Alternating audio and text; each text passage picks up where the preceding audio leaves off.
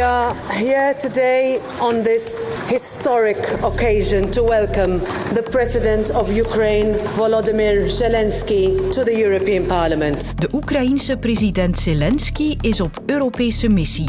Wat wil hij bereiken? Ik sta hier in Kilis, bij de grens met Syrië. Hier begint de eerste hulp toe te komen, maar aan de andere kant van die grens is dat veel moeilijker. Syrië lag al in puin voor de aardbeving. Waarom blijft de oorlog daar duren? Die mensen, dat was gewoon een mafketel. Die zorgde altijd dat hij een klaslokaal ver weg van alles en iedereen had. Die nam dan zijn stereo-installatie mee en die zette gewoon muziek op. En die begon te vertellen over muziek. Allee, hoe cool is dat? En wat is de meerwaarde van het vak esthetica? Ik ben Sophie van der Donkt en ik doe mijn best om het voor jou ook zo boeiend te maken in dit kwartier. Bezoek vandaag. De Oekraïense president Volodymyr Zelensky is in ons land, in Brussel. En we zijn zeker niet het eerste land waar hij de afgelopen dagen en maanden op bezoek kwam.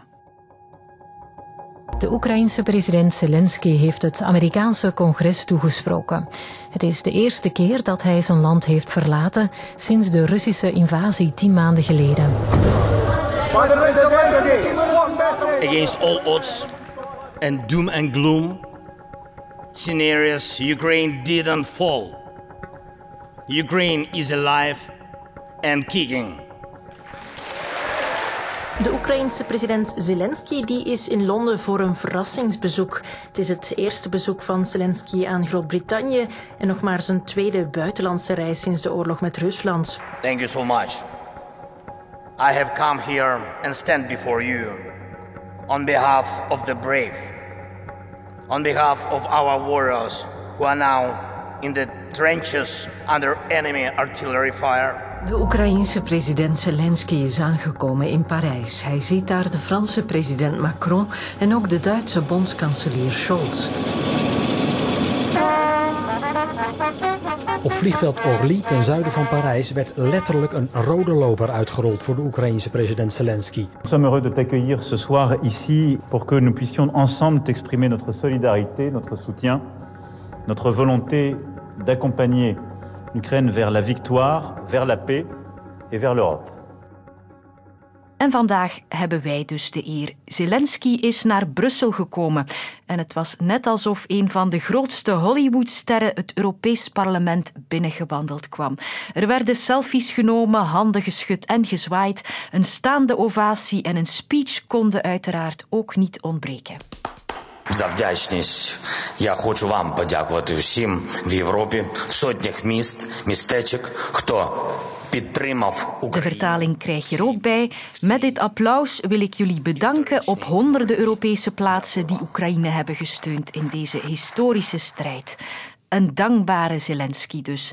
Maar om te weten wat we van dit bezoek moeten onthouden, ging ik te raden bij professor Europese politiek aan de KU Leuven, Steven van Hekken. En ik heb drie vragen voor hem. 1.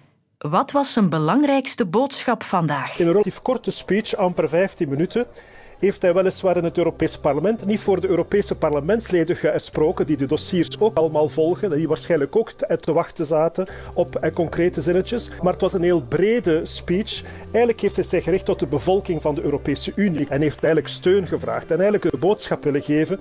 Dit is ook jullie oorlog, wij zijn allemaal betrokken. European Way of Life, daarover gaat het. Trouwens ook een mooi brugje met de intro van parlementsvoorzitter Metzola, die er ook al op wees. Die grote verbondenheid tussen de Europese Unie en uh, Oekraïne.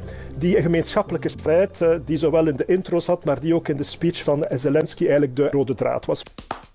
Twee. Waarom was het voor hem belangrijk om juist naar Brussel te komen? De grootste vrees van Zelensky is dat de steun ten aanzien van Oekraïne in het Westen zou afbrokkelen. Dus hij komt naar Brussel om dat nog eens extra in de verf te zetten. Dat maakt ook dat de Europese Unie kan tonen hoe eensgezind ze is. Maar ondertussen zet Zelensky ook iedereen onder druk. We praten ook de hele tijd over hem. Dat is eigenlijk wat hij nodig heeft, wat hij wil. En tegelijk komt hij ook met zijn boodschappenlijstje.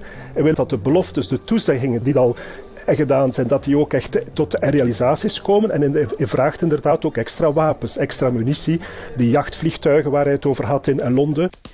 En drie, waarom doet hij nu die ronde in al die Europese landen? Op papier blijft natuurlijk Oekraïne de zwakkere partij die het alleen tegen Rusland kan opnemen zolang ze die levenslijn hebben. Die levenslijn loopt tot in Washington, loopt tot in Londen, maar loopt ook tot in Brussel. Vandaar ook dat hij natuurlijk na Londen en Parijs ook naar de Europese Unie komt. Het zijn natuurlijk de lidstaten die wapens leveren, maar ze zijn hier wel allemaal samen. Je kan ze hier meteen allemaal zien. Hij hoeft niet al die hoofdsteden af te doen. Dat is praktisch natuurlijk ook niet nodig of niet mogelijk. Maar hij komt ook naar het parlement en naar de Europese Raad om natuurlijk die via de media via de publieke opinie die leiders ertoe aan te zetten om hun steun te blijven geven, zowel financieel als materieel.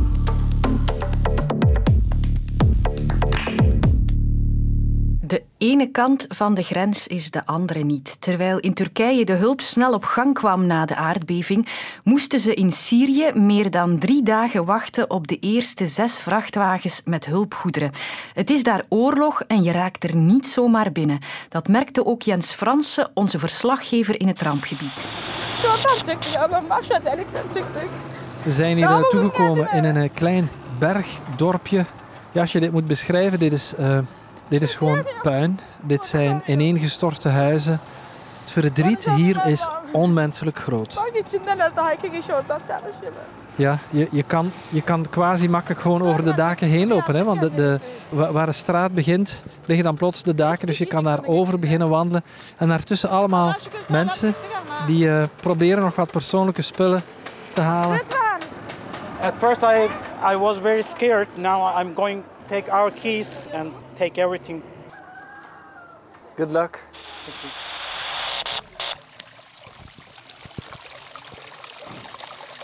Dit is een uh, typisch geluid in een rampgebied. Nee, het klinkt een beetje als een uh, bergbeekje, maar waterleidingen zijn kapotgesprongen en water stroomt soms gewoon overal door, door huizen. Esma, let's buy some food and water before we leave. He wants money to buy medicine. Um, no, I, I, I, would not do this. Oh, okay. It's hard. We must go. Oké. Okay. Blijft lastig natuurlijk, hè. Die mannen altijd in een miserie. En wij vertrekken. Schrijnend om te zien. Ik sta hier in Kilis en dat is een klein grensstadje bij de grens met Syrië. Ja, en natuurlijk hier begint de eerste hulp toe te komen. Maar aan de andere kant van die grens is dat veel moeilijker. Want die grens is hermetisch gesloten. Een betonnen muur van drie meter hoog met sensoren en prikkeldraad. Ja, en dat heeft natuurlijk alles te maken met dat aanhoudende gewapende conflict, die burgeroorlog die aan de andere kant van die grens in Syrië nog steeds woedt. Ja, al twaalf jaar is die oorlog intussen aan de gang. Het is een beetje bitter dat nu met die aardbeving dat we daaraan herinnerd uh, moeten worden. Uh, Rudy Frank zit bij mij. Hoe is die oorlog ook alweer begonnen, twaalf jaar geleden? Goh, na de, al de Arabische opstanden die door heel de regio als een vuurtje woede is het ook in Syrië begonnen. In maart 2011, denk ik, ja, in Dera, een klein stadje, is er een uh, opstand gekomen van jongeren die uh, verdwenen zijn, gefolterd, gedood. Mensen zijn boos geworden, in opstand gekomen. Dus die opstand is dat eerste jaar van, vanaf 2011 steeds gewelddadiger geworden. De repressie van het Assad-regime werd harder. Uiteindelijk zijn er ook chemische wapens gebruikt. En uiteindelijk is heel de regio erbij betrokken geweest. Syrië, Assad, het regime, heeft hulp gevraagd aan Hezbollah van Libanon, aan Iraanse troepen, uiteindelijk zelfs aan Rusland die hem komen helpen zijn. Terwijl de rebellen die in opstand gekomen zijn, die in plaats van vreedzaam te protesteren begonnen te vechten, um, kregen steun van andere Arabische landen. Dan zijn er IS-strijders naartoe getrokken. Het wordt ingewikkeld, ik weet het. En het, het werd echt een, ja, een, een moeras, een warboel, waarbij er ongelooflijk veel extreem geweld gebruikt is. Welke partijen zijn daar nu nog op dit moment bij betrokken? Wel, het gebied dat door de aardbeving getroffen is, dat gebied Noord. West-Syrië, zeg maar. Je hebt een deel dat door de Koerden gecontroleerd wordt, de Koerdische minderheid daar, redelijk stabiel. Je hebt een deel dat van de Koerden is afgepakt door Turkse soldaten, omdat die willen vechten tegen de Koerden, die willen die ook mee onderdrukken. En dan heb je een deel rond Idlib, waar men zegt zo'n 4 miljoen mensen, vooral Arabieren zitten, Syriërs. Van die 4 miljoen zijn er 2 miljoen vluchtelingen in tentjes en zo, die daar al jaren naartoe gevlucht zijn uit die burgeroorlog. En zij zijn het zwaarst getroffen. En daaronder zit het Assad-regime. En al die verschillende groepen bewaken hun eigen stuk. Territoria worden afgesloten. Ja, dat is waanzinnig natuurlijk. Hè. Dat is ramp boven ramp. En bovendien werkt iedereen tegen iedereen daar. Maar we kunnen wel nog altijd van een oorlog spreken. We horen er niet veel meer over, maar een oorlog is het wel degelijk nog altijd. Soms is het een beetje een bevroren oorlog, maar bij regelmaat wil Assad nog steeds dat gebied van Idlib, waar die 4 miljoen opstandelingen onder jihad eh, bewegingen vaak controle.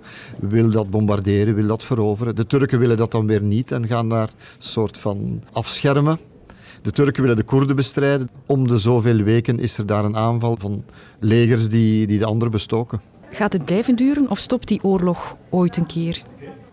Ik vrees dat die oorlog alleen maar stopt als het de stilte van het kerkhof wordt in de gebieden die Assad nog niet controleert. Nee, dat, alle elementen zijn aanwezig voor een bijna eeuwigdurende oorlog. Dat land is uiteengespat. Je hebt Koerden die zich blijven verzetten. Je hebt Turken dat ze hun voet daar zetten.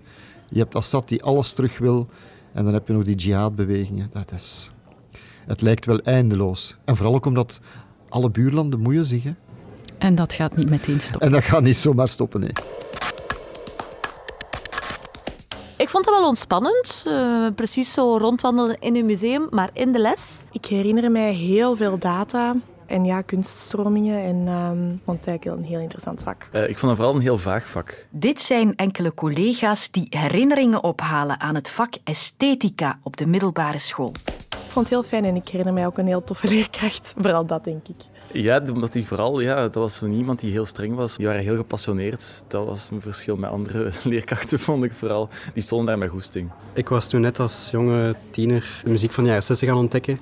Om daar direct in de les iets over bij te leren was natuurlijk heel fijn. Ik vind dat wel tof dat ik dat gehad heb, omdat ik daar toch op die manier alleszins of enigszins een beetje notie heb gekregen van kunststromingen, van belangrijke kunstenaars, zowel in de schilderkunst als in de muziek. En dat had ik anders allemaal nooit geweten. Voor mij was het echt een horrorvak. Wij hadden een heel enthousiaste leerkracht, dus daar ligt het niet aan.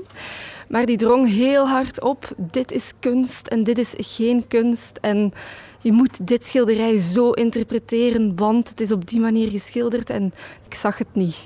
Voor mij was dat gewoon een schilderij, ik vond het niet mooi. En daar bleef het bij. Ongeveer twee jaar geleden dreigden kunstvakken zoals plastische opvoeding en esthetica te verdwijnen uit het lessenrooster. Dat had toen te maken met de nieuwe eindtermen. Maar na protest van het katholiek onderwijs werd er aan de plannen gesleuteld en nu krijgen scholen opnieuw de vrijheid om het vak esthetica aan te bieden.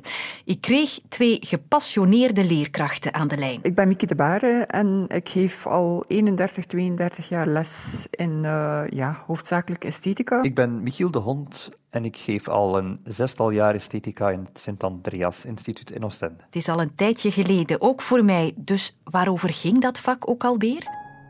In esthetica gaan we eigenlijk met de leerlingen op verkenning doorheen alle verschillende kunstvormen en proberen we de blik van de leerlingen te verruimen. Dat er meer is dan de kunst of hetgene wat zij al kennen. Esthetica gaat over veel meer dan schilderkunst. Het gaat uiteraard ook over muziek. Ik ben zelf muzikant, dus dat komt zeker aan bod. Zowel popmuziek, jazz als natuurlijk klassieke muziek.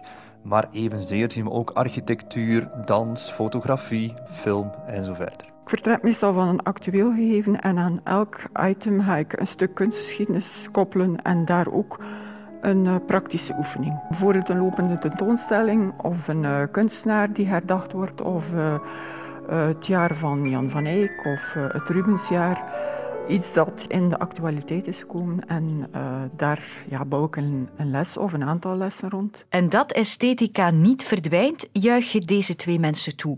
Maar waarom is die les zo belangrijk? Wat is de meerwaarde van esthetica? Het vak esthetica is het uurtje waarbij de leerlingen nog even ademruimte krijgen. Dat ze niet enkel geclusterd zijn aan hetgene wat ze binnenkrijgen op hun social media. Het is ook uh, een, een, vak waarin de rechter hersenhelft, waar het gevoel zit, waar ruimtelijke vormgeving zit, waar uh, gevoel voor kleur zit, zich situeert. En als je dan ook daar nog eens een praktische opdracht aan koppelt, sla je uh, de verbindenis tussen linker en rechter hersenhelft. En ja, als je dat niet doet in het, in het middelbaar onderwijs, waar iedereen daar de kans van krijgt, dan verplicht je bijna om kinderen de stap te zetten naar een academie. En dat zal volgens mij altijd maar voor een kleine elite zijn. Dat is ook iets wat trouwens zeer belangrijk is voor de werkgevers in de toekomst. Men is zeker op zoek naar creatieve mensen die out of the box denken En met het vak esthetica is dat iets wat we zeker en vast alleen maar aanwakkeren bij de leerlingen. Kunst is uh, een mogelijkheid om een, een, aanschouwing van, van het eigen leven, van het menselijk leven en al zijn facetten uh, in, in, te herkennen, te leren begrijpen. Het eigen leven ook daarmee te leren beter duiden. Ik reken daar wel op dat ze uh, in de mate van het mogelijke zullen proberen dat vak er op een of andere manier in te brengen. Op de achtergrond hoorde je trouwens Nocturne nummer 20 van Frédéric Chopin, een Poolse componist en pianist uit de romantiek. Maar dat wist je natuurlijk als je ooit esthetica kreeg. Tot morgen. Luister ook naar Senior Sarens. Daarin duiken Luc Hakens en Achiel van Ingelgem samen met de familie Sarens in het verleden van Jan Sarens, die vermoord werd in Mexico. Nu in de app van VRT Max.